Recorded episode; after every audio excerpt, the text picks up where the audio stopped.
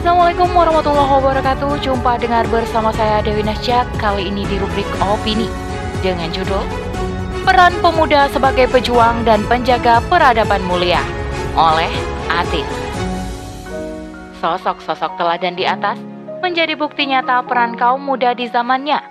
Mereka mengerahkan daya upaya sebaik-baiknya demi sebuah peradaban mulia.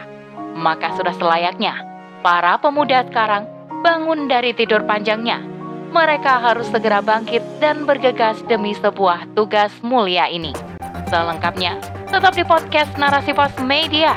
Narasi Pos, cerdas dalam literasi media, bijak menangkap peristiwa kunci. Kami ceritakan kepadamu Muhammad kisah mereka dengan sebenarnya. Sesungguhnya mereka adalah pemuda-pemuda yang beriman kepada Tuhan mereka dan kami tambahkan petunjuk kepada mereka. Quran Surah Al-Kahf ayat 13 Kisah Ashabul Kahfi memang penuh hikmah yang luar biasa, hingga Allah taala mengabadikannya dalam salah satu surah di dalam Al-Qur'an. Keteguhan hati para pemuda Ashabul Kahfi dalam mempertahankan akidahnya seharusnya diteladani oleh pemuda masa kini.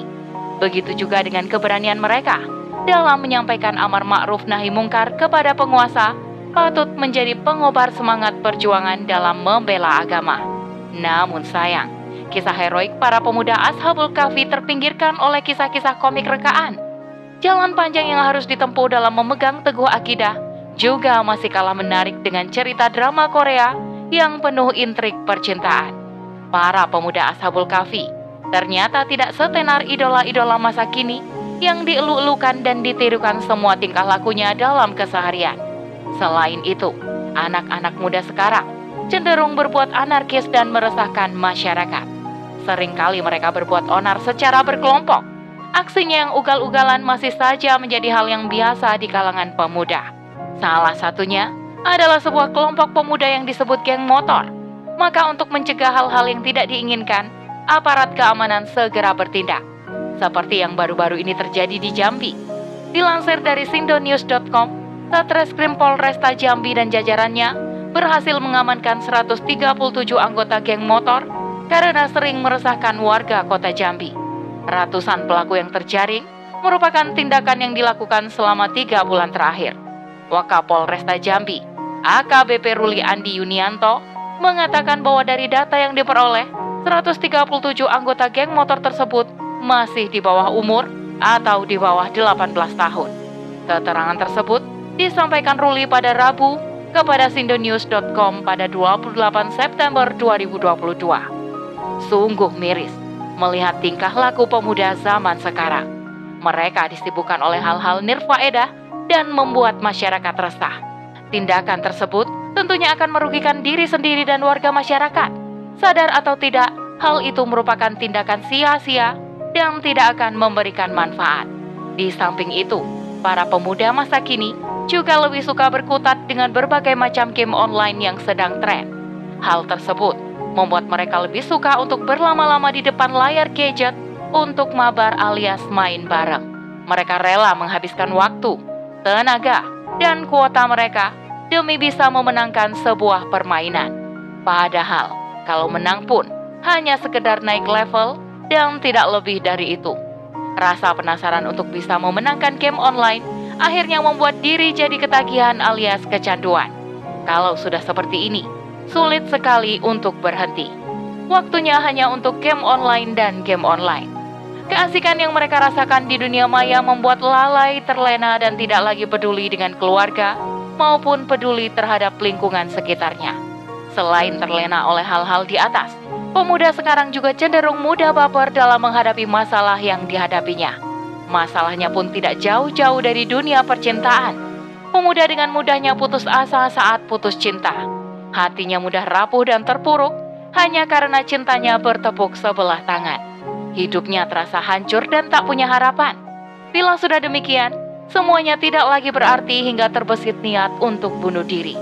Masa muda yang seharusnya penuh semangat dalam menatap masa depan, nyatanya terhalang oleh rasa baper yang berlebihan. Demikian juga dengan pola pikir pemuda saat ini yang inginnya serba instan.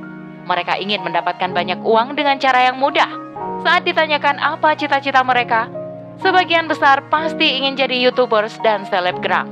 Lagi-lagi, cita-cita tersebut tidak jauh-jauh dari pengaruh gadget dan dunia maya. Seakan-akan sudah tidak ada profesi yang menarik minat dan hati mereka. Konten lagi, konten terus, dan mungkin jika konten yang dibuat adalah sebuah kebaikan, itu takkan jadi masalah. Namun, konten-konten tersebut pasti jarang followersnya. Hanya saja yang menjadi masalah Konten yang bisa menambah followers biasanya adalah konten yang tidak biasa. Konten-konten seperti itu terkadang melanggar aturan dan norma yang ada. Celakanya, yang demikian itu justru yang laris manis dan banyak diminati dan disukai. Sebab, dengan membuat konten yang tidak biasa, pasti bisa langsung viral dan terkenal. Tentu, kita masih ingat dengan fenomena CFW yang cukup menghebohkan di media sosial. Bagaimana tingkah laku anak-anak muda dengan gayanya yang asal-asalan bisa menghipnotis seluruh lapisan masyarakat. Orang-orang dengan sukarela berduyun-duyun datang jauh-jauh dari berbagai daerah hanya untuk melihat aktivitas CFW dari dekat. Tidak ketinggalan para pejabat negara pun turut ambil bagian. Akhirnya, banyak yang ikut-ikutan bergaya ala-ala CFW. Demam CFW menjadi tren dan gaya remaja kekinian dan dijadikan panutan. Masalah lain datang saat para pemuda dihadapkan dengan gaya hidup yang hedonis. Hal ini membuat hati orang tua miris. Masa muda dijadikan ajang hura-hura dan pamer harta milik orang tuanya. Slogan masa kecil bahagia, muda kaya raya, dan tua masuk surga menjadi sebuah gurauan tanpa makna. Semua itu menjadi racun mematikan yang pelan, tapi pasti menggerogoti pemikiran pemuda yang rentan terpengaruh dengan sesuatu yang dianggapnya benar. Padahal kebenaran hakiki hanyalah milik Allah Subhanahu wa taala. Namun pada kenyataannya, pemuda cenderung mengikuti hawa nafsu dan egonya. Rasa ingin tahu yang besar membuat mereka mencoba hal-hal yang dianggapnya sebagai gaya hidup kekinian. Mengonsumsi narkoba, gaul bebas dan tawuran menjadi menu keseharian. Mereka takut dijauhi oleh teman jika tidak sejalan. Begitulah generasi pembebek yang tidak punya sandaran. Semua dilakukan atas dasar setia kawan yang mengabaikan aturan. Benar salah tak jadi masalah. Bagi mereka yang penting bisa membuat hati senang. Masa bodoh dengan aturan yang berlaku menjadikan mereka tidak merasa malu. Rasa malu yang ada pada diri pemuda sepertinya sudah hilang. Tidak adanya pemahaman yang benar membuat mereka bertindak semakin liar. Apabila hal itu dibiarkan, maka masa depan generasi menjadi taruhan. Generasi muda tidak akan bisa berperan sebagaimana mestinya. Hal tersebut tentu sangat berbahaya. Dan jika hal itu terus dibiarkan, maka bersiap-siaplah bangsa ini menuju kehancuran. Sebab masa depan bangsa ini ada di tangan para pemuda sebagai penerus perjuangan. Apa yang ada di dalam benak para pemuda juga tidak bisa dilepaskan dari aspek pendidikan yang mereka dapatkan. Sistem pendidikan yang ada hanya sekedar mencetak generasi yang setelah lulus bisa langsung bekerja. Nilai-nilai akademik menjadi standar baku pintar tidaknya siswa dalam menerima mata pelajaran. Namun, untuk pelajaran agama tidak begitu diperhatikan. Maka tidak heran bila tingkah laku pemuda sekarang jauh dari adab dan pergaulan yang benar. Disadari atau tidak, pangkal masalah yang muncul di tengah-tengah kaum muda adalah sistem yang tidak layak untuk diterapkan. Sebab, sistem ini hanya akan membuat kaum muda terpapar pemikiran yang rusak. Kaum muda terjebak dalam dunia kebebasan yang melenakan. Hidupnya pun dihabiskan untuk melampiaskan rasa ingin tahu dan penasaran tanpa menggunakan aturan yang benar. Semua itu adalah hasil dari sistem rusak yang lahir dari ide kebebasan yang menjadi asas dalam bertingkah laku. Sistem rusak ini telah membelokkan pemikiran sekaligus mengebiri peran kaum muda. Sistem ini juga menjadikan taraf berpikir pemuda begitu rendah dan sekedarnya. Tidak ada giroh untuk bangkit dari segala keterpurukan yang menimpa mereka. Mereka tidak peka dengan berbagai hal yang terjadi di tengah-tengah masyarakat. Banyaknya kemaksiatan dan kerusakan tidak mampu membuka hati dan pikiran. Pemikiran rusak dari sistem ini telah menghilangkan jati diri dan potensi yang ada pada diri para pemuda. Itulah sistem rusak kapitalisme liberal yang harus segera dicampakkan. Oleh karena itu, harus ada upaya dan usaha yang maksimal agar cara berpikir pemuda bisa berubah. Allah SWT berfirman yang artinya, Sesungguhnya Allah tidak akan mengubah keadaan suatu kaum sebelum kaum itu sendiri mengubah apa yang ada pada diri mereka. Quran Surah Ar-Ra'du ayat 11 Perubahan yang dilakukan juga harus mengarah kepada sebuah kebangkitan. Dalam hal ini, hanya Islam yang mampu membawa para pemuda menuju kebangkitan yang sesungguhnya. Kebangkitan inilah yang akan mengembalikan peran pemuda. Hal yang paling mendasar adalah mengajak pemuda untuk berpikir bahwa hidup ini adalah hanya untuk beribadah kepada Allah Subhanahu wa taala. Hal itu sesuai dengan firman Allah yang artinya, Aku tidak menciptakan jin dan manusia, melainkan agar mereka beribadah kepadaku.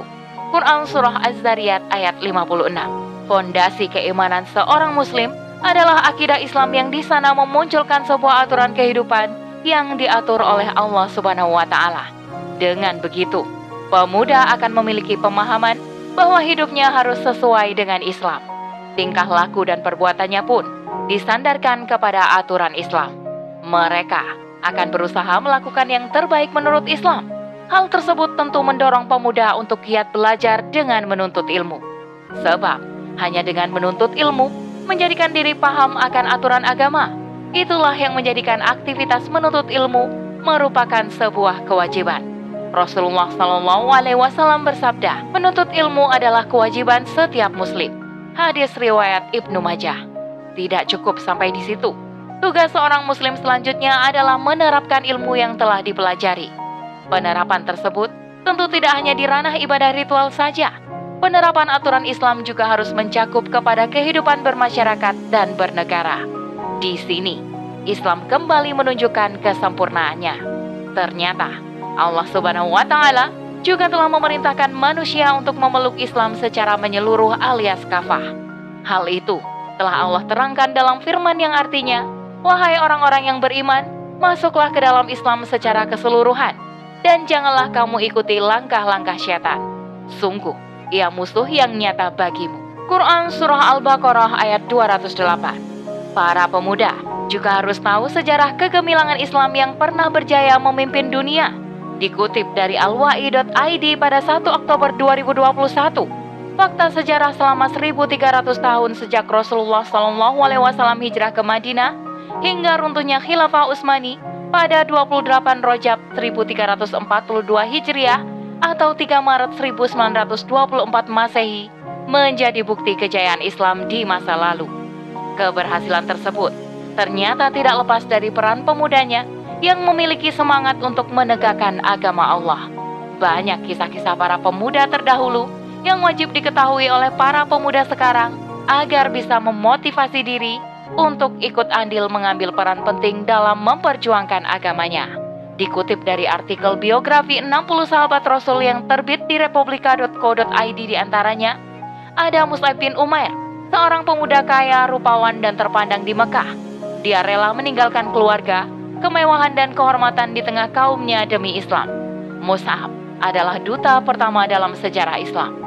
Satu lagi, sosok pemuda teladan pada masa Rasulullah adalah Ali bin Abi Thalib. Perannya mencakup berbagai bidang. Dia adalah seorang ulama, pemimpin, sekaligus pejuang.